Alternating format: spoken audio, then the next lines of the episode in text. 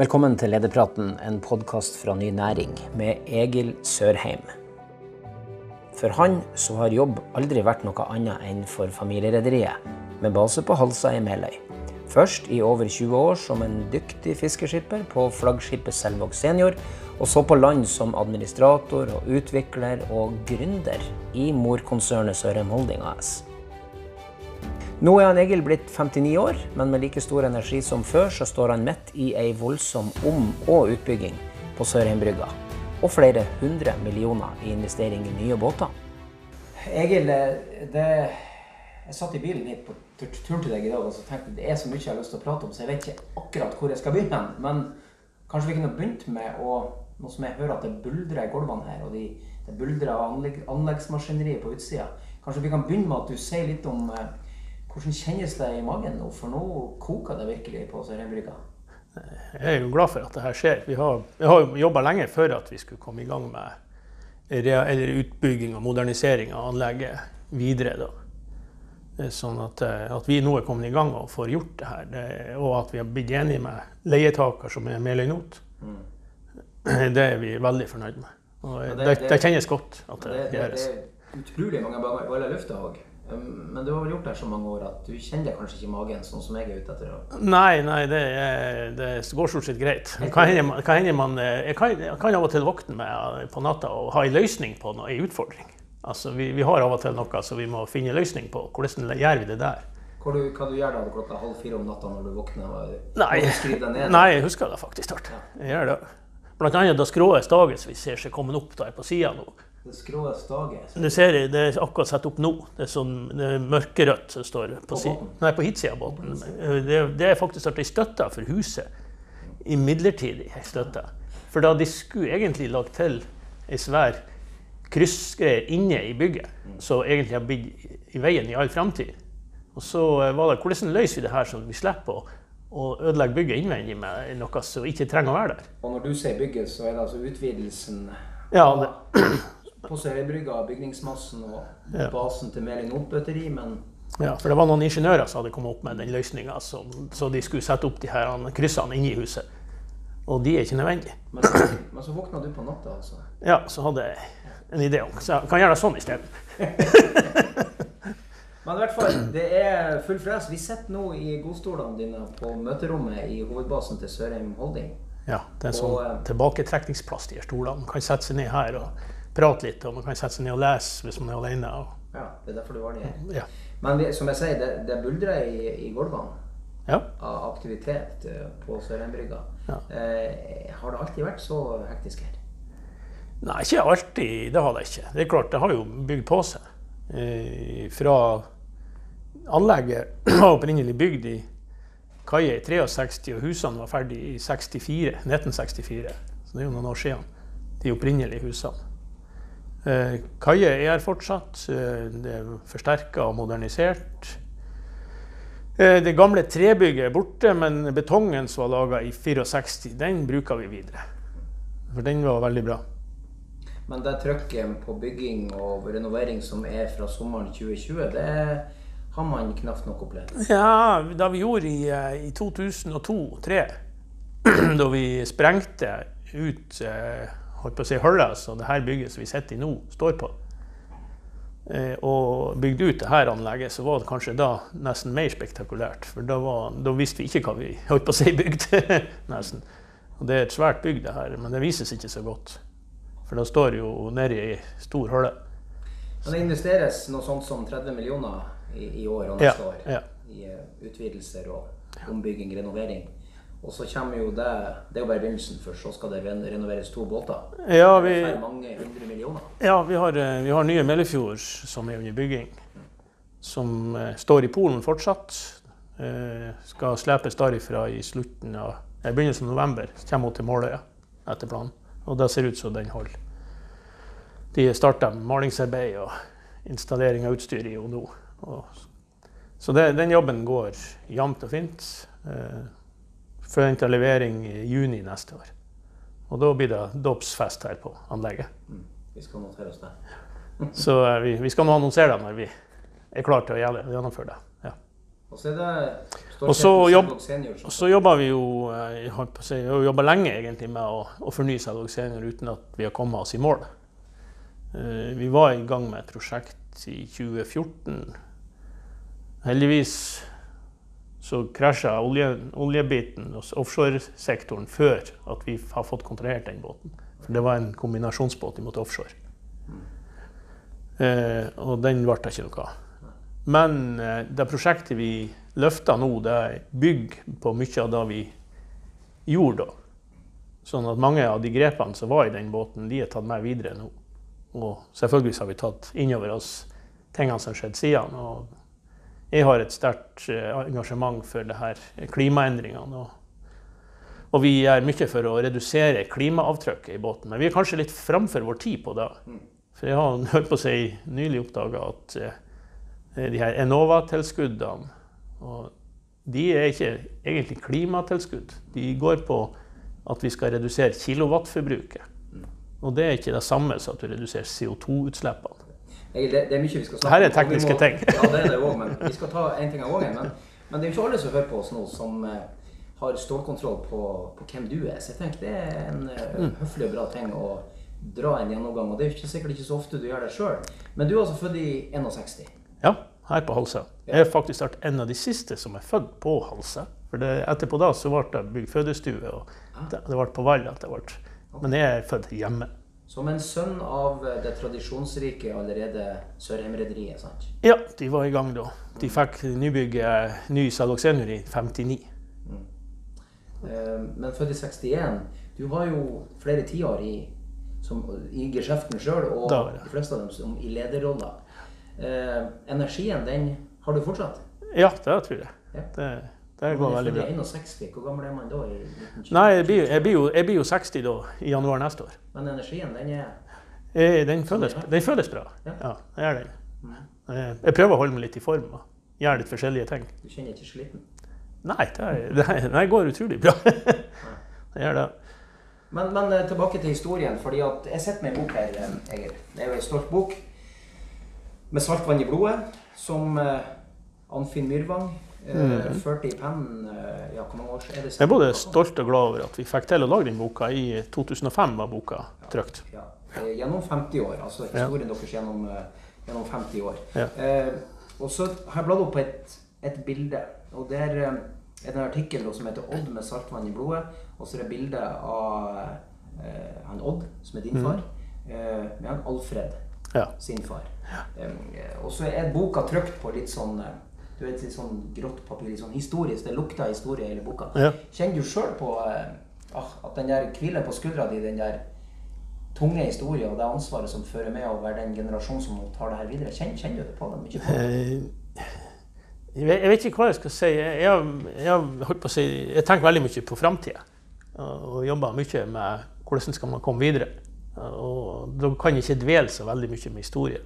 Så, så ja, jeg, jeg, vet jo om historien og har den som et erfaringsballast.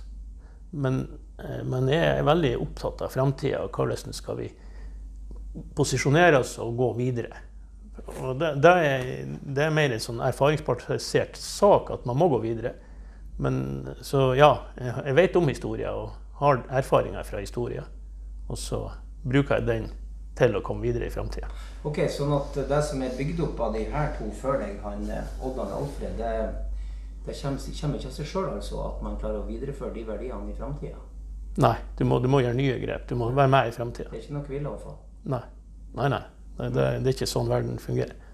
Ikke i denne bransjen heller? Nei. Da stopper du opp, og da begynner jeg å peke nedover. Ja. Hvis man tror at alt skal være sånn som det har vært. Men de to karene her på, på bildet, altså din far og din bestefar, Ja. hva, hva de har betydd for deg? Ja, farfar eh, han husker jo ifra, ifra Han var jo blitt en godt voksen mann ifra jeg husker han. Jeg har hørt mange historier om han. Og, og ifra, ifra, har, ifra, vi har tid til å dra din beste historie. ja, jeg vet ikke om jeg klarer å referere. og Jeg vet, jeg vet ikke om jeg vil det heller. Men, men jeg har hørt mange. Og han var jo en, en, en utadvendt fyr, og han, han var rundt omkring. Han var kjent i store deler av landet. Det er ikke så alvorlig mange år siden jeg traff en mann som, som kjente han og fortalte om han. Og så, så eh, Han grunnla alt det her. Han var med og grunnla det, men de var i lag i stor grad. Ja. For det var en pappa som utdanna seg, ble skipper. Farfar hadde ikke noen utdannelse. Nei. Hva farfar? Hva han, Han var bass. Han var, han var bass. han i- var fisker Han var fisker, ja. Det var han. Ja. Men rederiet var det han Odd og han som ja, det var de. Ja, det var det. Det var det. De, eh, pappa var jo veldig ung da første de fikk kjøpt i not. Da var, da var han vel bare 15 år. Og, så da var han jo selvfølgelig ung. I 49. Ja.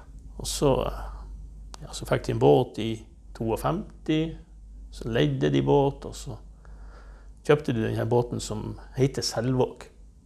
Det var en trebåt som var bygd på slutten av 90-tallet. Eh, 1890. Nei, begynnelsen av 1890 var det. Var Borte i England. En engelsk sånn tråler.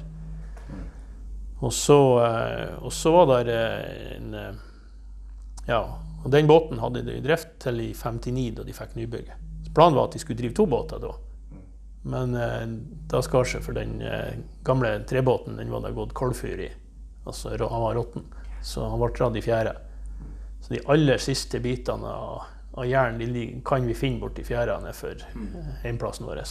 Det er kanskje ikke på, på skinner å bygge opp et rederi på den tida. Nei, det, ja, altså, det var jo i sildefiskeriene, og regnota kom i 61, 62. Og da fikk vi kraftblokk om bord. det her. Ja, det var jo i god, god fiskeritid. Lønningene i, fiske, lønningene i fiskeri Ja. i forhold til industriarbeiderlønna var ekstremt mye høyere enn de er i Ja, dag. for, for sildefiske på 50- og 60-tallet, det er jo noe man hører gjetord om fortsatt. Det var, det, var, det var gode lønninger, og tingene var bra. Så det var en god tid å bygge et rederi på. Det var det. Ja. Men du, jeg spurte hva de her to karene har betydd for deg. Jeg vet ikke om jeg fikk et svar. Ja, det er klart, de, de har betydd masse. De har jo det. De har jo lært meg ting, og helt avgjørende. Pappa han er jo fortsatt sånn, han ringer og, og spør og, og gir meg tips. Ikke så ofte nå som det var for noen år siden, men, og det, Han men det eh, han er, jo- Veldig godt voksen. Ja, han er jo det. Han Han er- er 84. Ja, riktig. Men eh, klarer du å sette fingeren på det viktigste du har lært av Alfred og Odd? Eller en av dem? Pappa han sa alltid at de eh, rentene du har betalt og den olja du har bruka, de, det, det, det fikk du ikke igjen. Så det var bare altså, så Det var liksom holde kontroll på kostnadene og, og være litt nøktern og ha en, en tanke for at man må ha økonomien i orden. ja. Ja. Og han var jo de var jo gjennom knipetider. Etter at vi bygde Selvåg som kom i 68, så ble det en veldig vanskelig periode da sildefiskeriene tok slutt. NVG-sildekvotene. På midten av 60-tallet var det sagt at det var en uendelig bestand, og det var helt umulig å utrydde den. I 68 var det fritt. Eh, og, det, det var, og da fikk vi en ny båt. Så da var det å snuse rundt. Nå var de i Nordsjøen og fiska makrell og masse sånne ting som foregikk. Ja. Men eh, nøkternhet, det er det du trekker fram som det du har lært mest av din far om, f.eks.? Ja, jeg vil, jeg vil tro det, ja. Nøkternhet og, og ryddighet. Være ærlig på tingene. Ja. Ja. Men eh, det har jo vært, eh, du i din ledertid har jo hatt både oppturer og nedturer. Men eh, det har jo gått bra, det har bygd noe veldig bra. Eh, Er det vanskelig å miste den nøkternheten underveis da, eller? Ja, jeg, jeg kan kanskje ha litt tendens til å gli over på at jeg kan jeg bli for glad i teknologi. At man gjør at man, ja, at det, Men jeg, jeg tror jeg har den med meg. ja. Vi må eh, holde, holde kontroll på tingene. Så man må ha en oversikt og, og vet hva, hva tingene fører til. Mm. Så da, da tror jeg jeg har med meg. Ja. Så er det selvfølgeligvis eh, for mange veldig store tall da vi driver og roter med og lager til, men eh, det er tross alt én pluss én er to fortsatt. Selv om det er mange nuller etter av og til. Ja. Eh, Du, eh, i praksis så har du leda Sørheim Holding-systemet siden hvor tid? Ja, vi hadde jo en glidende overgang, vil jeg si. Ifra, holdt på å si ifra at jeg begynte å være leder på verkstedturer allerede på 80-tallet og framover. Pappa ble eh, ganske plaga med helsa i 89. Så utover 90-tallet så hadde han store utfordringer med helsa. Jeg husker han Odd, han eh, fronta litt eh, revmatikerforening og svømming, jevnlig svømming i varmt mm. vann i bassenget i Glomfjord. Ja. Tok noen bilder av dem for mange år siden, husker jeg. Ja, de driver fortsatt på å dra dit i bassenget og varmvannsbassenget. Det har vært veldig viktig for dem. For det var de helseplagene han du, Nei, de helseplagene han fikk, var ikke, eh, var ikke revmatisk art. Det var hjerteproblematikk. Så han hadde hjerteinfarkt i, i flere runder og var blokka i flere runder. Men du ble ikke kasta i noe? Nei, han, han var jo der. De, de sto jo fra, og ikke, Må ikke glemme mor mi, og ikke hun farmor heller. For de har vært ta navnene på, på ja. Det er da jo Borghild, som var bestemor, og Bjørg, som er min mor. Mm. Og de er klart de har vært kjempeviktige. De har hatt funksjoner og holdt styr på tingene hjemme. Og mor mi, Bjørg, hun var jo økonomifunksjon. Ja. Så eh, hun eh, har jo suttet, de har jo sittet med regnskapene, og vi hadde regnskapene sjøl hjemme. Og Bjørgan og, og gjorde nøttene og alt sammen opp gjennom De satt ved kjøkkenbordet. Ja, de hadde noe kontor, det hadde de. Eh, Vi hadde kontor i gammelhuset allerede på 70-tallet. Eh, Da var det flere, flere som var innom. Men eh, de gjorde det jo sjøl og hadde kontrollen sjøl. Alt er papir og det her. Så vi har nettopp hatt ei større rydding i gamle papirer som har vært lagra. Enorme dunger. Mm. Eh, og- det så- for da, da, nei, det, det, var, det var noe rydding egentlig. Papirer som var fra den her tida. Ja. Nå er jo alt på data, så nå er det vanskelig. mindre papir. Ja, vi skulle ha trykt ut alt, så hadde det blitt mye. Men du, du overtok gradvis. eh, Ja. eh, Jeg var jo skipper om bord fra tidlig på 80-tallet, Så jeg har vært skipper i 25 år. Og, så-. Og så etter hvert som min far ble gamlere, på et tidspunkt så eh, kunne ikke jeg skipperjobben og, og administrere rederiet samtidig. Eh, Vi etablerte ja, vi, vi gjorde grepene med å bygge ny båt i, to, i 99. Den var jo kontrahert eh, til jul i 97.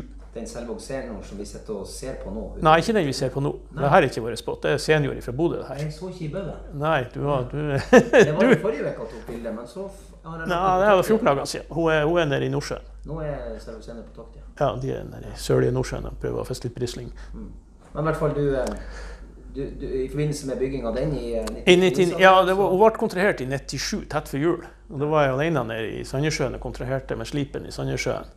Mm. Og Da kom jeg hjem med en kontrakt som ja, var på 118 millioner. Var det. Da sa han pappa det har bestandig vært dyrt å bygge ny båt. Ja. Der har jeg fortalt deg før at det var eh, det var egentlig den første artikkelen jeg sjøl lagde som var sånn retta veldig på næringslivet. Da tok jeg bilde av deg ja. nede på en pullert på kaia her. Mm, Og da sto det noen overskrifter om 118 millioner. Ja. ja. Og det er jo bare småpenger i dag i din bransje. Ja, ja, det, nei, ja, det, det, det, det er mye penger fortsatt. Det er det absolutt. Eh, Det skal nå tjenes inn, og skal, jobben skal gjøres. Eh, Men det, det, det er klart, og krona har jo fått en helt annen verdi nå enn hun hadde da. Mm. Så, så eh, Men jeg sporer deg av litt, for at, var det den Ja, det var- at du gikk på land på et vis? Eller? Nei, og så eh, fikk vi jo den, og det holdt på å si, årsaken til vi kom oss i posisjon med den, var jo at vi også hadde fått strukturordning i, i regnotflåten. Sånn at vi fikk samla litt bedre kvotegrunnlag. Og det kvotegrunnlaget mm. gjorde at vi kom i posisjon. Vi var da i, fra i 97 på noe som heter 650 basistonn. Og det var det maksimale du kunne disponere i regnotflåten da. Altså i et rederi? I, i, i, på ett fartøy. På et fartøy? Ja. Så er det et annet tak som er 5% av kvotene i regnflåten kan disponeres på, ett, på ei hand, eller på ett eh, kontrollerende selskap, som det heter. Men eh, det her som skjedde da, det ga et bedre grunnlag for butikken deres?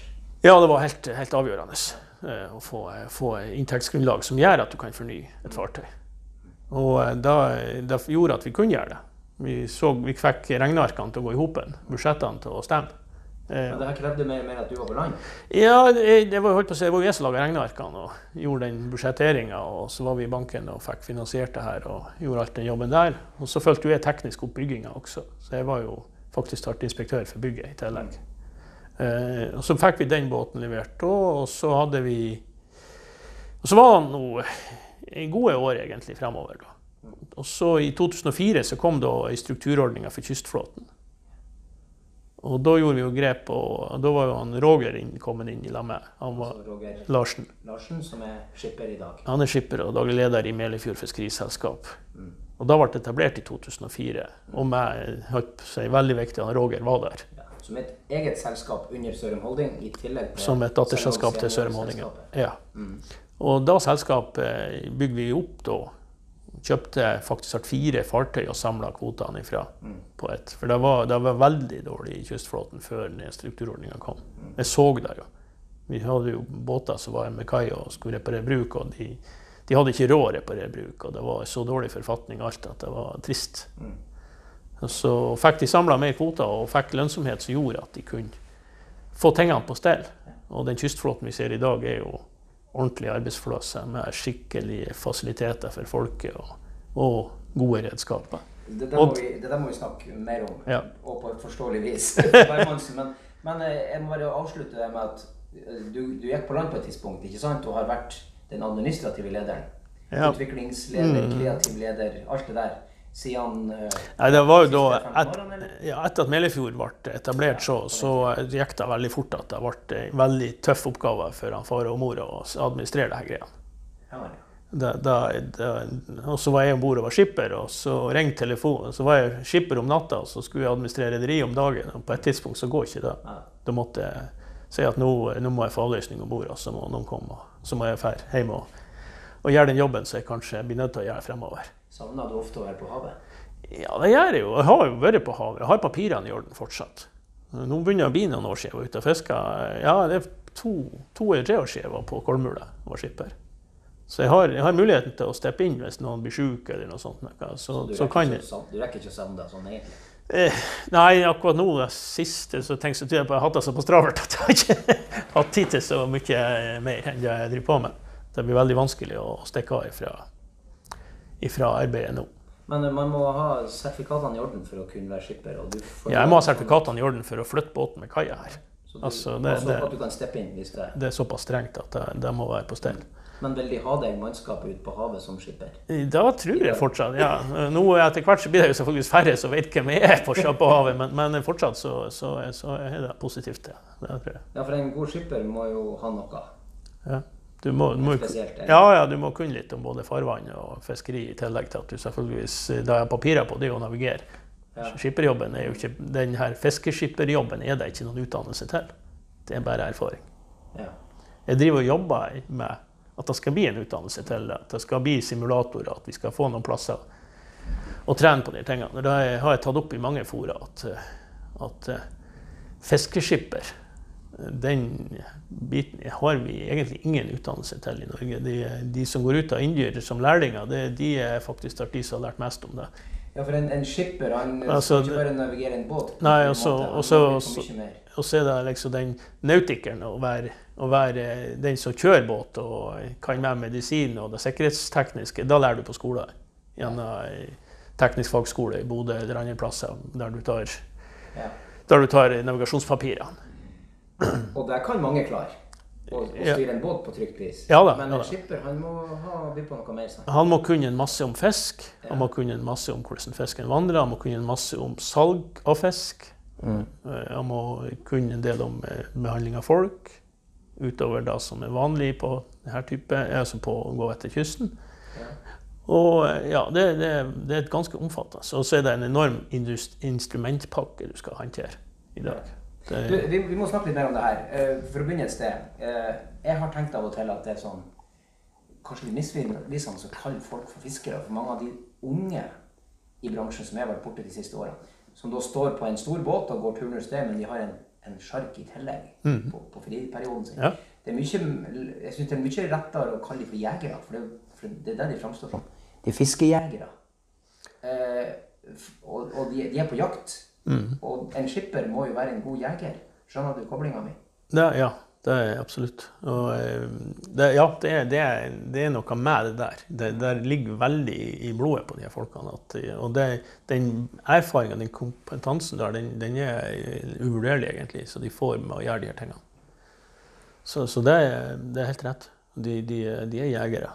Og, og så er det, den jegeren er jo blitt en ganske avansert jeger etter hvert. Eh, Og så er det jo blitt veldig regulert.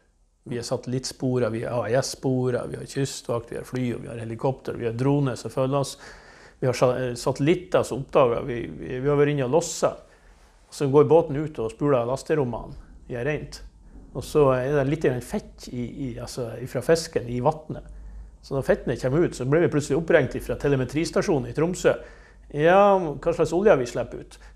Nå ser vi det på satellittbildet. Å ja. Ja, ja nei, vi har spola tankene. Og det er faktisk helt lovlig. Og det er nødvendig også. Men det, du er inne på det med, det med den massive pakken med, med teknologi. Ja. Eh, sånn at de kravene man stiller til en skipper i dag, det, det kan ikke sammenlignes med det som var kravene for hva vi skal si 30 år siden. Nei, det, det er ikke alle skippere som befinner seg likevel med den her enorme rapporterings... Du må være pertentlig. Du må være nøye med alt. Og må ja, sende helt rette avmeldinger. Og du kan være trøtt og sliten, du kan være på jobb i et døgn, og så skal du sende ja, Er det kommafeil, så, så er det dramatisk. Og det er ganske krevende. Det, det er nesten ikke noe mulighet for å rette opp i en sånn kommafeil. Altså. Hvis, altså, du kan rapportere noe feil, eller du kan få en feil beskjed fra noen om bord. Det er ikke mulig å sjekke alt. Du står i dårlig vær og du knappast klarer å holde fast, og du skal taste inn noen helt nøyaktige tall. Og, og det, det, det er krevende av og til. Og Og, det er ikke alle som befinner seg vel med det. For vi er, det har med personlighet å gjøre. Det har med hva slags type du er. Om du er en sånn der eh, en J, som det heter. Det er noe som heter MBTI-kode. Om hvordan personlighet folk har. Ja. Og noen, noen befinner seg, syns at det er veldig greit å ha det rødd, er de veldig opptatt av det ryddig. De må ha det ryddig rundt seg for å fungere, mens andre fungerer kjempegodt om det er rotete. Eh, men den ryddighetsbiten er ganske god å ha hvis man skal gjøre de her tingene her. Men det er ikke bestandig at det er like bra når du skal drive fiske, for da må du av og til ta noen sjanser. Det er ikke bestandig alt er ryddig når du skal, må sette not av det. Du må faktisk ta, ta en bestemmelse og, og gjennomføre de her tingene. Har du personlighetstester på folkene dine før du ansatte dem? Jeg, jeg gjorde noe i 2004. Da gikk jeg hovedprogrammet hos Nordnorsk lederutvikling. Ja. Da lærte jeg veldig mye om det her. Eh, og det har vært utrolig viktig for min utvikling. Men det du sier om skippere, Egil, eh, Så- det så- betyr at når du først har, har, skaffa deg en skipper, og han har jobba noen år og fått den erfaringa som er som du sier, som er så viktig, og da snakker vi ikke om å manøvrere skuta, men alle den andre erfaringene som er viktig. Du, du vil altså helst ikke miste en sånn mann? Nei, de er viktige for oss. Og de, de er også betalt for å for, altså de, sånn, Ordentlig fiskeskipper han har god lønn, og det, er- det er han vel verdt. Ja. For det, det er en kjempeviktig stilling. Så der er du ikke nøktern, i hvert fall med pengene. Nei, si, vi forholder oss nå stort sett til, til er gjengs i bransjen. da. Det gjør vi. Vi, vi har ikke noe, ikke noe utover da, men, men det, det, det er en godt bestart jobb. For gode skippere det er en viktig del av grunnen til at man lykkes som rederi. Ja, det er helt avgjørende. Det er det. Du, du, du får ikke til noe særlig hvis du ikke har en ordentlig skipper med deg. Men vil du ha fiksa det hvis du nå skulle være, gå over til å være skipper i en periode? Det tror jeg. Men eh, det jeg ikke fiksa, det er å gjøre to jobber samtidig. Så, så det er den vanskelige biten av det. Da må jeg ha noen som kan avløse meg på det jeg driver på med her. Det er av og til litt krevende det også. Det tror jeg det på. Så ja. Og ansvaret, det er store verdier som forvaltes. Ja, men det, det viktigste ansvaret er jo folket du er med det. Det, det er det absolutt viktigste.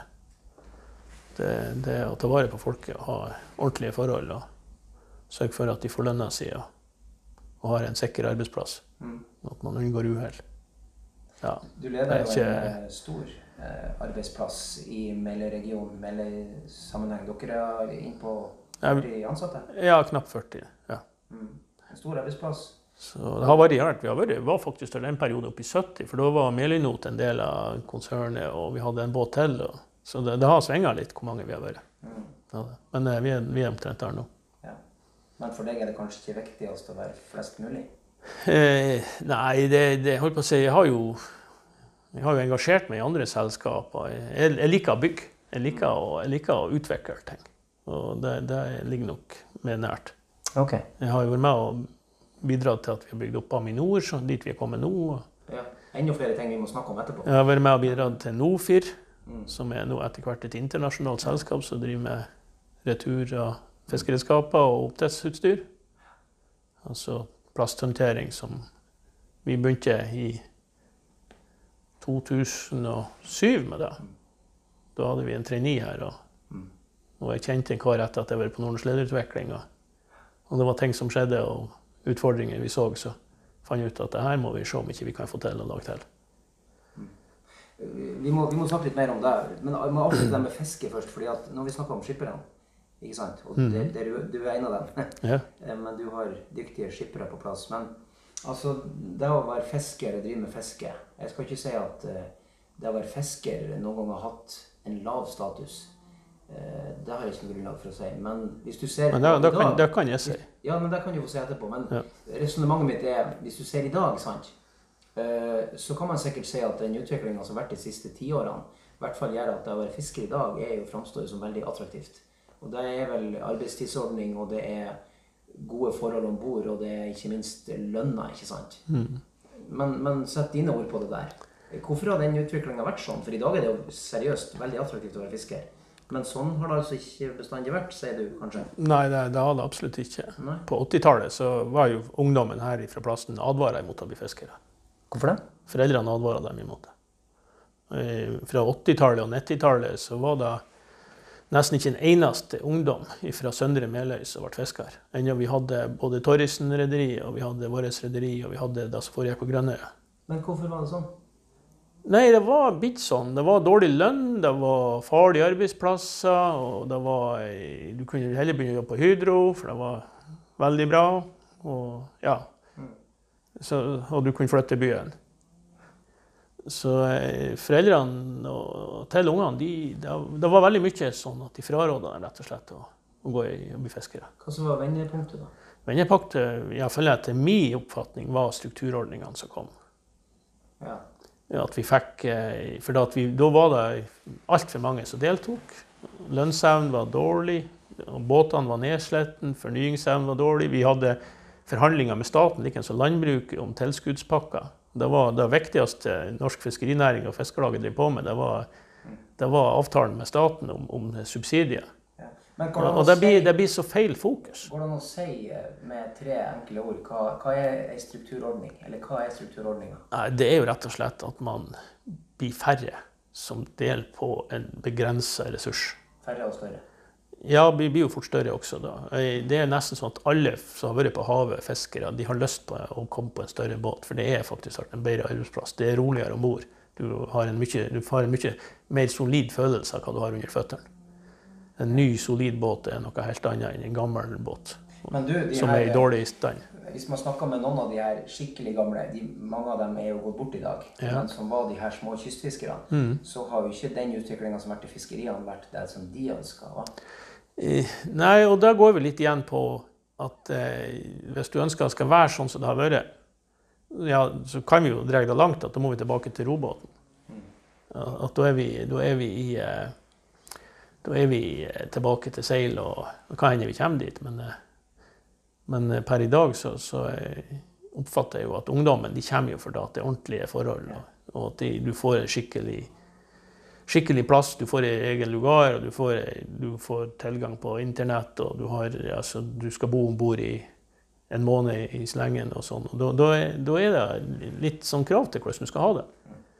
Så foreldrene på f.eks. Holsa i dag, de advarer ikke guttene sine og jentene sine mot å bli fiskere. Jeg tror ikke det.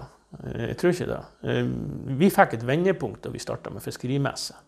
At ungdommen, og ikke minst lærerne, fikk se hvordan det var om bord i et moderne fartøy. Vi må ha en kjapp forklaring. Hva er hva, og hva er fiskerimessa? Vi starta i messa sammen med opplæringskontoret på Inndyr, for vi så jo utfordringene her. Vi fikk ikke ungdom til å komme om bord i Fremme Søndre Meløy. Jeg var på ungdomsskolen og fortalte hva vi drev på med. Fortalte om lærlingelønning og lærlingordning. Eh, Den gamle var jo at ingen, altså du gikk rett om bord i fiskebåten fra ungdomsskolen. Det var jo det som var på 80-tallet. Eh, Og jeg er jo motstander av det. Jeg syns det skal være sånn at du skal ha en kompetanse, du skal ha en utdannelse, et fagbrev. Og det er viktig både for, for framtida og for oss. For det, det gjør at de har et annet utgangspunkt enn de hadde når de kom rett fra 9. klassen. Det er ikke tvil om det. Ungdommen er jo også selvfølgeligvis eh, De er jo flinke, de her tiendeklassingene som nå er som nå heter når de kommer ut av skolen. Men, eh, men veldig få av dem har klippet sin hånd i arbeid.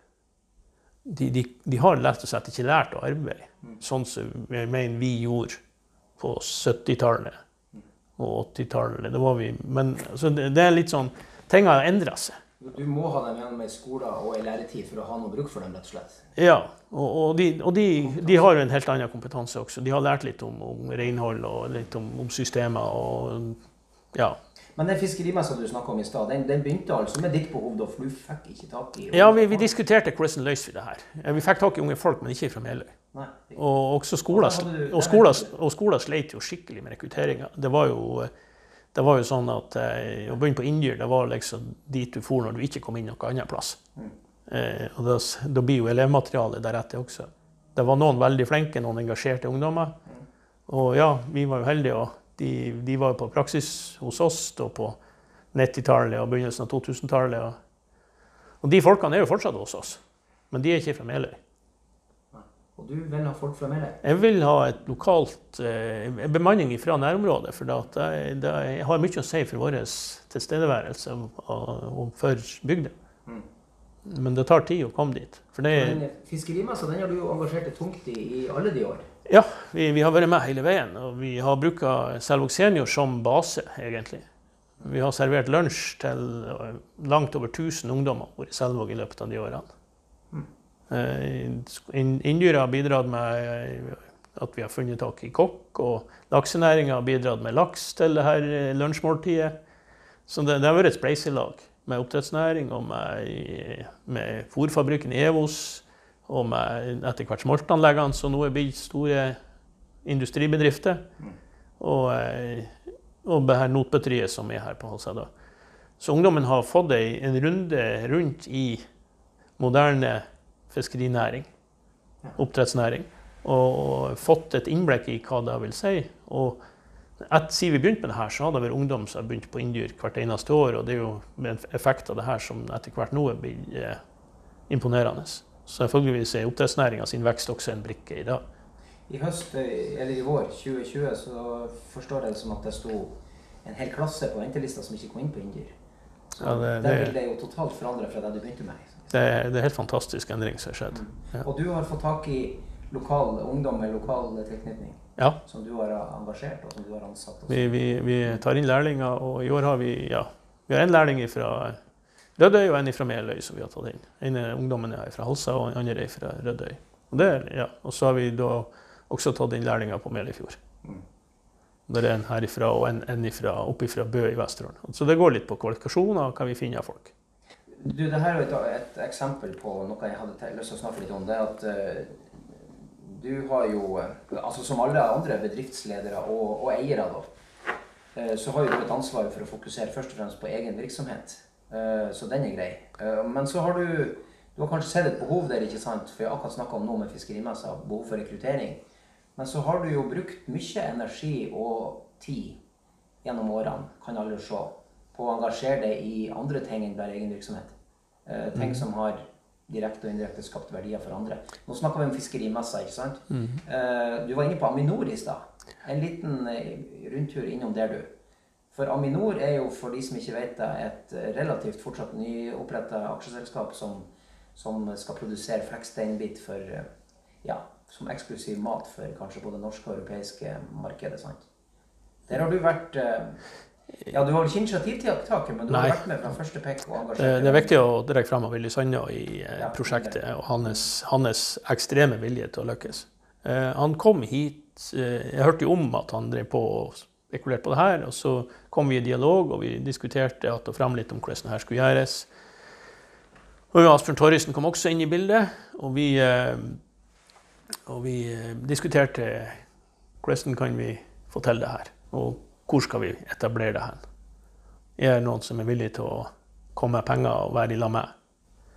Ja, og vi var vel seks bedrifter i tillegg til Willy som Ja, Willy var vel med. Vi var seks aksjonærer i første etableringa i 2014. Og fikk etablert et uh, selskap som starta i Æsvika. For der lå det infrastruktur som kunne brukes. Æsvika er på Halsa, for de som ikke vet det. Ja, ja. det er der Torrisan holdt, holdt til før. Mm. Uh, og vi fikk en leieavtale der, og vi kom i gang for Asbjørn som disponerte tomta da. Og bruka de infrastrukturen som var der, med hus og, og da. også eh, ja, så har det vært litt prøving og feiling. Men fisken som vi klekte i 2015, som ble lagt inn som rogn omkring årsskiftet 14-15, det er den fisken vi nå driver og skal slakte i tur. Vi begynte å slakte den nå. Og selvfølgelig, det er litt lang tid, men den fisken, at han lever fortsatt, og at den er så fin som han er. mm. Vi har hatt eh, kokker rundt omkring i hele Norge som bruker å sette fisken og tester den, og de er veldig veldig fornøyd med den kvaliteten vi kommer med. Og det, det er kjempeartig. Og så er det Ja, men det, det er tidlig å si at, at Avinor er en suksess ennå, selvfølgelig. Ja. Man har, overlevd veldig godt fram til startstreken, på en måte, og det har vært en prestasjon, kanskje. Eh, Ja, det har vært, jeg holdt på å si, min, min jobb har jo vært mye å bringe selskapet videre i form av funnet aksjonærer, emisjoner. Og jeg har også vært en diskusjonspartner med han eh, Willy, og vi har etablert et styre og fått inn styremedlemmer med kompetanse på forskjellige ting. Sånn at vi har hatt et styrearbeid og en, en jobb å gjøre på området som, som har styrt selskapet framover. Noen feiler blir det underveis, men, eh, men eh, Aminor er et kjempespennende prosjekt. Og i min vurdering av ting, så kan Aminor bli mye, mye større enn enn det her eh, fiskebåtrederiet driver på med. Ok. Ja, nå svarte du kanskje på spørsmålet mitt allerede. Jeg skulle spørre deg, Hvorfor er det så viktig for deg å engasjere deg i en sånn satsing? Det, er, altså, det kan være en veldig god investering. Men så syns, syns, syns jo jeg som sagt det er spennende å etablere nye ting og, og finne på nye Sørheim. Holding eier en ganske stor aksjepost? vi eier nå. ca. en fjerdedel av selskapet. Ikke sant? Så det kan vise seg å bli en veldig god investering. Det kan det. Mm. nå- Nå har vi nettopp fått eh, gjennomført en emisjon. Eh, Den er i ferd med å komme på plass, eller den er på plass. Den er garantert, så emisjonen blir gjort. Og det startes i stor utbygging så snart som vi overhodet kan nå ute i Gjesvika. Og finansiering er sikra for, en, eh, for et, over et år til framover. Okay. For vi, vi tjener fortsatt ikke penger. For da at vi bygger opp. Vi bygger opp kompetanse, vi bygger opp eh, fasiliteter. Vi, så hele veien er utvikling, utvikling, utvikling. Eh, men, men du sier det kan bli veldig stort, og det kan bli en veldig god investering for Sørheim Holding. Men, men det er ikke bare pga. pengene du gjør det. Du sa i stad at du liker å bygge. Ja. Det, det er jo, holdt på å si, Utgangspunktet er jo at ja, det, Vi så jo ikke i 2014 at det her kunne bli sånn kjempestort. Men vi ser at det en ny art med gode egenskaper. Ja, er muligheter. Og så ser man på mulighetene og vurderer de, og så tar man noe ett steg av gangen og ser at ja, mulighetene er faktisk tatt. ikke blitt borte, de er bare blitt større. Da går vi videre. Hvis man går andre veien, så må man jo sette en fot i bakken og si at mm, nå kanskje nok er nok. Og det er klart, vi har vært nært på flere ganger i Aminor-opplegget. For det det er veldig krevende. Men det ser veldig lovende ut nå. Det blir mer og mer lovende. Men du, apropos eh, krevende og lovende, eh, tilbake Sørheimbrygga. Sørheim Holding og bygginga her. For vi, vi, vi begynte i dag, vi prata Ja. om at det rister i gulvene her, at vi hører anleggsarbeidet på utsida. Og Ristinga i gulvene her er ikke bare anleggsarbeidet. Det er faktisk traverskranene som går i Ja, det, det, det er krana, ja. Så det, det er driften. Det er drifta. Så her, her, har vi, her har vi jordskjelv eh, Vi har hatt folk på møterommet her som har vært nesten på taket når de kranene har vært i arbeid. For det, det, det, rister av og til. Ja. Men det er, det er meget, for å si det mildt, preget av eh, utbygging og satsing Ja. på Sørenbrygga for tida. Um, hva du tenker Ok, så, så skal man bygge ferdig og utbygge for melinotbøtteri, og det skal, det skal komme to nye båter, en ny Mellifjord og en ny Selvåg Senior. Ja, Ny Selvåg Senior er ikke kontrahert ennå, så da må vi vi ta et lite forbehold om det. Ja, Ja. Men, men hva, si litt om hva du tenker om um, Ja, for nå sa du nettopp at Aminor ja, det kan fort bli større enn det selskapet, det konsernet du sitter i i dag. Hva, hva slags tanker har du om hvor, hvor skal dere hen? Hvor skal du hen på størrelser og på satsing? Nei, Jeg jeg, jeg har ikke noen mål om, om størrelse, jeg har mål om at vi skal leve og at vi skal utvikle oss. Men da må det satses, ikke sant? Ja, det må satses, og så kan hende man må selge noe underveis. Da eh, man må skjelle seg med noe. Det kan skje. For det, det, du, må, du, må, du må se at du har vi, vi må se etter at vi har utveier også, for å gå videre. Vi, vi eh, har jo en, vi har en strategi for Sørheim Holding som vi styret har jobba med, og som vi fornyer jevnlig. Eh, Sånn at eh, det vi driver på med å gjøre nå, det er innenfor den strategien som vi har lagt i styret.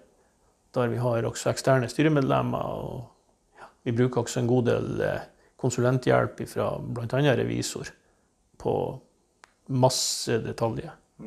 Det, det er omfattende å gå inn på detaljene, for det, det, er veldig mye. Men en ting som vi ikke må glemme å nevne, hvert fall, det er jo at du har jo to søsken som er med det har jeg, og det i familierederiet. Hun Hege og han Audun. Ja. Eh, som er med. Og mannen hennes er jo da skipper på Melefjord og daglig leder der. Og, han er Roger. Ja, han Audun han er skipper og daglig leder i Selvåg Senior. Ja. Og, og, der har vi jo, vi har jo datterselskap i begge de selskapene med ekstra kvotepakker mm. som vi jobber med. Og Nå har dere lagt nye strategier, sier du? Ja, vi, nei, ikke nye strategier, men vi viderefører strategiene og utvikler de etter hvordan verden utvikler seg også. Vi lever jo i et system der vi har ja, min verden så er politisk usikkerhet nesten det, vi føler mest på, som er usikkerhet. At fiskekvotene går opp og ned, at uh, markedene forandrer seg, det er vi vant med, men det er politikken som er uforutsigbar. Ja, Hva er det som er verst nå, da? Nei, har, Nå har vi hatt eh, noe som egentlig har ridd næringa en god stund. og det, det, er noe som heter kvotemeldinga. Som var basert på et, et eh, utvalgs, en odelstingsproposisjon, som det heter. Og den har gitt oss veldig mye usikkerhet. Det har vært snakk om eh, skatteordninger på lengre med det de har i kraftbransjen. Og vi, vi, føler, vi føler oss ikke komfortable med å ha sånne løsninger. For det er mye mer svingninger i fiskeri. Og du har mye større, mye større investeringer som avskrives. Som, som, som som kraftverk som du bygger, da varer i 100 år. Men en, en sånn båt varer en 20-30 år maksimalt. Da må du ha en ny båt. Og en sånn fornying er en total utskifting av Altså Et kraftverk kan jo tross alt holde ved like, men en sånn båt kan jo ikke holde ved like. Du må skifte den. Men består bekymringa deres i at uh, dere kan bli å tjene mindre penger enn i dag? Eller er det stikker det dypere enn en det? Ja? Det, det er uforutsigbarhet. Du kan ikke gjøre beslutninger. Altså, tjene penger er én ting, men det, det, er rett og slett at du klarer å betjene gjelda du etablerer, på basis av at du har en, har en inntektsstrøm og vet omtrent hvordan tingene skal bli, og så plutselig så blir det snudd på hodet. Og da, det, er veldig uforutsigbart. Hvis, hvis sånt skjer, så, så blir det vanskelig. Og da kan ting forandre seg fort. Men eh, nå vet jo jeg og mange med meg at eh, du politisk sympatiserer med de som har makta i Norge per i dag. Ja. Hva er problemet? Jeg er jo leder i Miljø Høyre. Det, er klart, eh, vi vet jo ikke at vi, vi blir sittende med makta, og det blir vi sannsynligvis heller ikke over tid. Nå, nå, er det jo det har vært en utrolig lang periode med borgerlig styre i Norge. Mm. Erna Solberg har gjort en utrolig jobb og holdt det her i sammen. For det er klart, med, med? Kvotemeldinga som kom fram der, så, så var det langt ifra mm, da vi i fiskeriene så for oss, ja. Og var veldig overraska over eh, hvordan det kom ut. Og det, det ja, det, det har vært en stor utfordring for næringa. Det er jo de tingene vi ikke har vært inne på, som kanskje Edmund ikke vet. Mm. Det er at jeg har vært engasjert i fagsida, i Fiskarlaget og i Fiskebåtredernes Forbund. Ja, helt tilbake siden 1983 har jeg vært med i fiskebåt. Jeg har sittet i styret i Nord-Norges rederiforening, som det heter da. Nå heter det Fiskebåt Nord. Det var en telefon tett før vi begynte her, og det var fra Fiskebåt Nord. De spurte om vi kunne delta i et møte i dag, så jeg ikke kan, for jeg har noe annet jeg må gjøre. Men eh, også sitter jeg som varamann til landsstyret i Fiskarlaget. Jeg har sittet i kontrollnemnda i Sildelaget. Jeg sitter i representantskapet i sildelag og i fiskebåt. Og har vært innom de fleste, mange funksjoner i, i, den organisasjonssida på redersida. Eh, så, det har vært et engasjement og noe som har gitt meg mye. Ja. Og, og, gitt oss mye. At jeg, jeg henter kompetanse fra å treffe kollegaer og reise rundt. For å sitte på halser og tro at man skal skjønne hele verden, det er vel også en liten overdrivelse. Så nettverket og, og, og kunnskapen og kjennskapen til Fiskeri-Norge er veldig viktig. Og så er jeg også engasjert i forskning. Mm. Eh, med i FOF sitt system. Man kan si det har noe skift Fiskerinæringens forskningsfond. Er, vi betaler inn en prosent av fangstverdi hele fiskeflåten. Og FHF er da organet som styrer eh, bruken av disse midlene gjennom forskningsrådssystemet. Eh, sånn at eh, da er ja, jeg er engasjert i utvikling, som det har jeg sagt før. Og, det, her er, det her er utvikling å finne ut av hvordan man skal bruke forskningsmidler. Men du, hvis man så, eh, ja, Det her blir veldig eh, forenkla, men altså, hvis man skal tenke mediebildet eh, over noen tiår, så kan ikke jeg huske tilbake at det er veldig sånn typisk at eh, de organisasjonene som du har vært tillitsvalgt i, er spesielt fornøyd med regjeringas politikk, uansett hvilken farge den har. Nei, det blir jo, du, får, du får jo veldig fort eh, da inntrykket, og det vil du nesten gjøre For du kommer ikke til i media og forteller at noe er bra, eller ting fungerer godt, eller det, det gjør du ikke. Det, du kommer til i media når du har noe altså, Ja, her er forferdelig, eller det, Ja, ja, det, det, så, så, så da er noe Det har nok en sammenheng med hva du har sett i media. Det, det er hva du slipper til med i media. Men hva er det som skal til nå, da? Sagt veldig enkelt. Jeg, jeg syns vi er på god vei. Mm. Tingene eh, Vi hadde jo nettopp folket folk fra Stortinget på besøk her på møterommet som vi sitter på nå. Og det, det at, at, man kan ha et sånt nettverk, og man kan treffe folk, mm. kan prate med hvem som helst, egentlig, det, det, er, det, er, det er viktig.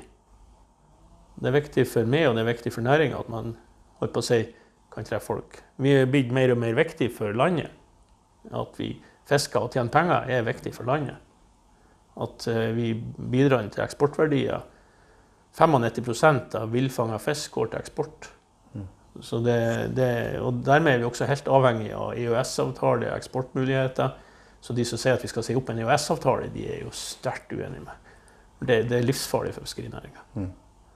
Eh, hvis Norge skal komme og fortelle EU at vi har det dårlig, at vi trenger en bedre avtale, ja, da må man sette seg litt inn i hvordan situasjonen er i resten av Europa. Da, da må man åpne øynene litt. Norge vi er jo i gullgruve. Vi, vi, vi, flyter over med midler i form av oljefond og, og, ressurser. Vi har gått med overskudd i nasjonalregnskapet i masse, masse år. Dette blir kanskje første året at vi klarer å bruke mer enn vi har tatt inn. Og det er på lenge, lenge, lenge. Men foreløpig så har vi vel ikke bruka like mye som avkastninga av oljefondet er i år. Det, det, det med korona og alt sammen. Så, så, eh, de mulighetene vi har og Vi bor i en nasjon, det er rent. Vi har, eh, vi har eh, en fantastisk natur rundt oss. Du ser jo De kommer fra Oslo og er helt overgjetta hvor fint vi har det. Og vi er fra resten av Europa og fra resten av verden. Så, så det, det, Ja, vi må stikke fingeren i jorda og skjønne hva slags posisjon vi har. Mm. Og så må vi ta vare på det. Jeg hører deg. Eh, men det her med kvoter det er liksom noe jeg har grua meg litt til når vi skulle snakke. For jeg tenkte jeg skulle få det til å forklare. Og det går jo ikke an å forklares lett, sånn at folk som meg forstår det, kanskje. Men sist jeg var innom hos deg, så husker jeg at vi snakka bare innom at det var noen karer fra den øya der jeg kommer, og vokste opp på på Dønna, som -hmm. nettopp hadde solgt eh, til et rederi i Bodø. Det er den båten som ligger med kaia. Den ligger på båten. Den heter Åkerøy. Den heter Åkerøy, ja. Og nå heter han Senior. Hallo. Nå eh, står jeg i fare for å spare spore litt. Men, men, poenget mitt var at som solgte, og da fikk man jo innblikk, i hvert fall i litt artikkel om det med, det med den kvota, kvotebygginga, som jeg skjønner er et stort og komplisert puslespill. Det er det det dreier seg om. Går det an å forklare for deg, kort og forståelig, hvordan bygger man kvoter? Hvordan bygger man eh, rederi eh, med de puslespillbitene eh, i 2020? Eh, og hva er viktig? Ja, det, si, det, det, er noen viktige begrep her. Det er varighet til kvoter. Mm -hmm. de kvotene som vi hadde på Selvåg senior de, ja, Opprinnelig var det 9050 hektoliter. Og så ble det omgjort til basistonn. Mm. Så, så, vi har 431 basistonn. Det er de 9050 hektolitrene som vi disponerte i sin tid. De heter 431 basistonn i dag. Mm. Dette ligger offentlig. Ja, men nå må du huske at det er badet må gjøre det enkelt. Ja, ja, jeg skal gjøre det enkelt. men i alle fall så er det kalles det for en grunnkvote. Ja. Det er en opprinnelig kvote. Ja. Den kvoten er egentlig evigvarende. Det, fisken tilhører allmenningen og alt det her, det, det er helt klare begreper. Men vi, vi, er, vi, har den evigvarende retten til å utnytte den og gjøre det beste ut av de rettighetene. På den, den biten. Så er det sånn at næringa besto av for mange aktører som tjente lite eller ingenting, eller tapte penger, var avhengig av statssubsidier. Ifra, på 90-tallet kom det sånne ordninger for havfiskeflåten. der vi kunne kjøpe en sånn grunnkvote, eller en opprinnelig kvote, og så kunne vi strukturere den. Da ga vi fra oss en bit av kvoten til fellesskapet, eller den gruppa kvoten kom ifra. Og så la vi resten på toppen av den kvoten vi har. For Selvåg Senior sin del så gjorde vi et sånt grep i 97 første gang. Da kjøpte vi en enhetskvote. Og Enda et navn. Ja, jeg sliter med å henge med her. Det må jeg innrømme. Ok, Men vi kjøpte iallfall kvote og la på toppen av Selvåg Senior. Og da kjøpte vi så mye at vi kom opp til taket som vi har lov til å ha da. Og det er tak på det her. Så da øka vi fra 431 til 650. Det er forståelig. Og når vi nå får en kvote på sild, så kan vi få en faktor på ja, si 3. Da ganger du 650 med 3, altså 3 tonn per basistonn. Vanligvis er de her faktorene med fire siffer etter komma, men vi, trenger, vi kan gjøre det enkelt. Og når vi får en faktor på tre, så betyr det at vi har 1950 tonn av den fiskearten, f.eks. NVG sild og fisk. Så det er egentlig ganske enkelt. At, Men det krever kløkt og dyktighet og Ja, du, må, du, må jo ha, du må jo ha banken med det. Du må, du, du må ha banken med det, for, for det, det, det, det, for det, og de her verdiene på de her kvotene. Etter hvert som vi har sett betydninga av hvordan det her virker, så har verdiene steget ganske kraftig. Og, og, når, og, og så var de, og så er det levetida på den strukturbiten. Den er viktig. Den er viktig. Sånn som det er nå, så hvis du strukturerer et fartøy nå, tar ut en sånn rettighet, så varer de rettighetene i 20 år. Da faller de tilbake til gruppa. Så du får lov og det er liksom et sånt tak på hvor lenge du får ha de rettighetene. Opprinnelig det her var etablert, så var det evigvarende. Eller aller først var det en enhetskvote som var i 13 år, og så var det masse diskusjoner. Og så kom det en konvertering til at det ble evigvarende i 2004.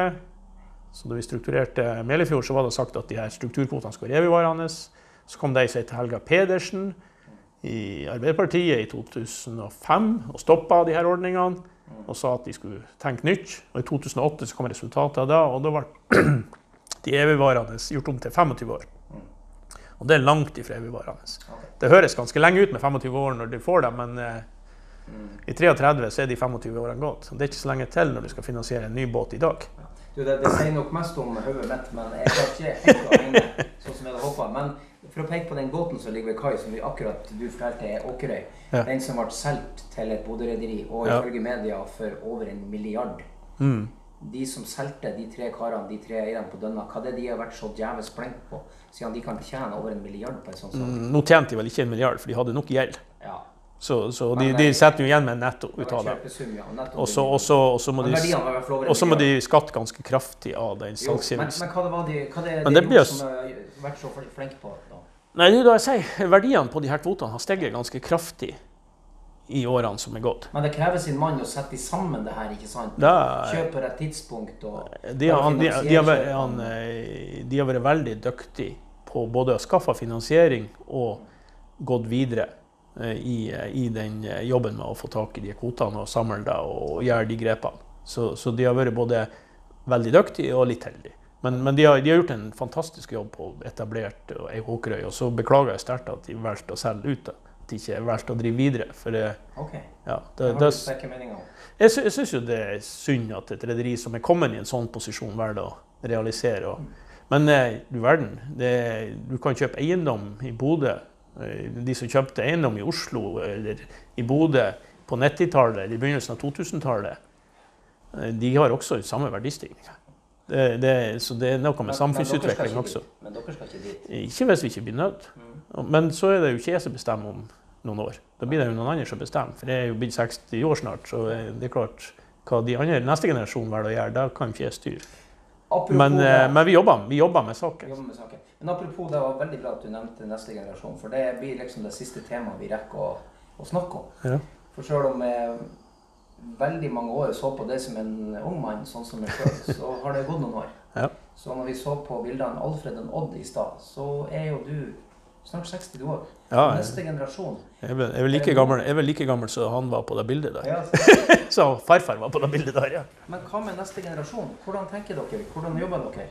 Vi, er- vi har holdt på å si, dratt i gang et generasjonsprosjekt sammen med, sammen med Ernst Young som rådgivere. Det- Der vi eh, jobber med å gi neste generasjon kunnskap. eh, om det vi driver på med, kunnskap om å drive næringsdrift.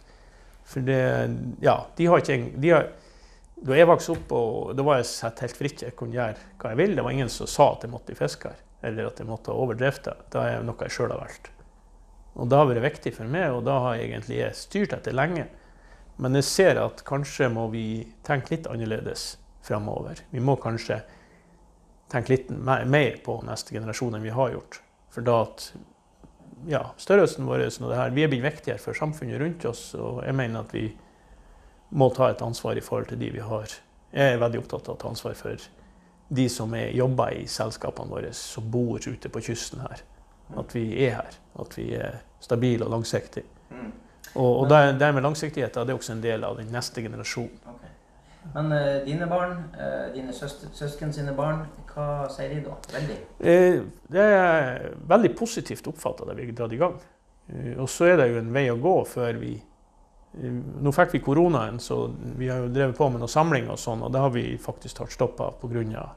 Så nå blir det utover høsten nå, så blir det Teams-møte med, med de da, og jobbe. Og de har jo sine jobber og sine familier. Noen har fått unger og litt forskjellig sånt. Så, så det, det er litt og, litt og det er ganske stor spredning i alder. Min sønn han er jo med i styret vårt og er engasjert i Han Kristian er med her i, styret. i 88, så, ikke sant? Det har stemt. Ja. Så han, han er jo med og, og jobb, er jobber i 22 selskapet. Han har perfekt alder, kaller Ja da, han, han har vil. vi, vi, vi, vi diskuterer nå hvordan, når tid det her skal skje. Han, han jobber jo, har en ingeniørjobb i, eh, i Kongsberg, heter det nå. da. Og Jobber med maritimt relatert utstyr. Og sertifisering og dokumentasjon og ja, mekaniske ting. Så han er i Brattvåg og jobber med styremaskiner til både store og små fartøy. Og, eh, så han eh, har etablert seg en kunnskap og kompetanse og også da å være i sånn posisjon utafor familiebedriften. Jeg har aldri jobba utafor familiebedriften. Eh, det, det, så jeg, jeg oppfatter det som veldig positivt. Og så eh, er han jo engasjert og har gjort både bachelor og master på eh, ting som foregår i rederiet. Så han har jo vært i inngrep med det hele tida. Jeg har sett han på et bilde av deg i, i rederisammenheng, så Ja, jeg skjønner at han er han er med. Han er med når vi skriver kontrakter, og han er med i diskusjonene. Og veldig mye med nå i jobben som vi gjør med ny Salg Senior. Men eh, tilbake til det deprimerende faktum at du nærmer deg 60, Egil. Når skal du, eh, hvor tid skal du sette punktum, tenker du? Nei, jeg har liksom Det ikke gjør man vel ikke i en sånn eh, har, Nei, men så har jeg ikke heller jeg, har ikke sansen for å bli pensjonist, så jeg, jeg tror jeg, så lenge jeg er helsen til det og ikke ikke tingene tilsier at det er fornuftig at jeg trekker meg tilbake for at jeg ikke er egnet til det jeg driver på med, så, så har jeg veldig lyst til å, å jobbe videre i, i bedriften og gjøre, gjøre så godt jeg kan. Og det er ikke så mye statlige virksomheter at du tvinges til å gå av når du blir 70? Nei, ikke, eller i politiet og i Forsvaret på knappe 60. Det, altså, jeg eh, var en kar som er ett år eldre enn meg. Ja, han har vært pensjonist i to år. Oi! det har jeg ikke slått meg at det var en opsjon. og jeg har ikke helt planlagt det heller. Jeg syns det er altfor artig å drive på med det her. Hvis du skulle plutselig ha glemt fødselsattesten din, og ikke vært klar over fødselsåret ditt, hva slags alder ville du ha gjetta på deg sjøl at du var i nå? Nei, på meg sjøl er jeg ikke så veldig god å vurdere meg sjøl, sånn, men jeg er jo, jeg er jo sprek og i god form. det er jeg i hvert fall. Men jeg blir veldig grå i håret, så. Ja, ja, men se bort fra det. så Er du tidlig i 30-årene, liksom? Nei, det er jeg vel neppe. Men jeg er noe, kanskje mellom 40 og 50. Ja. ja, det tror jeg. Jeg har jo masse erfaring, og det kan jeg ikke det kan jeg ikke ta bort. Du Egil, i denne sammenhengen så har vi dessverre snakka lenge nok. Ja, Vi kunne ha garantert ha snakka en time til. Men jeg må si takk for praten. Og så er det jo helt malplassert å si skittfiske. Men lykke til med store og viktige ja utviklingsprosesser. Skittfiske forstår jeg, så det er veldig greit. Takk for praten. I like måte.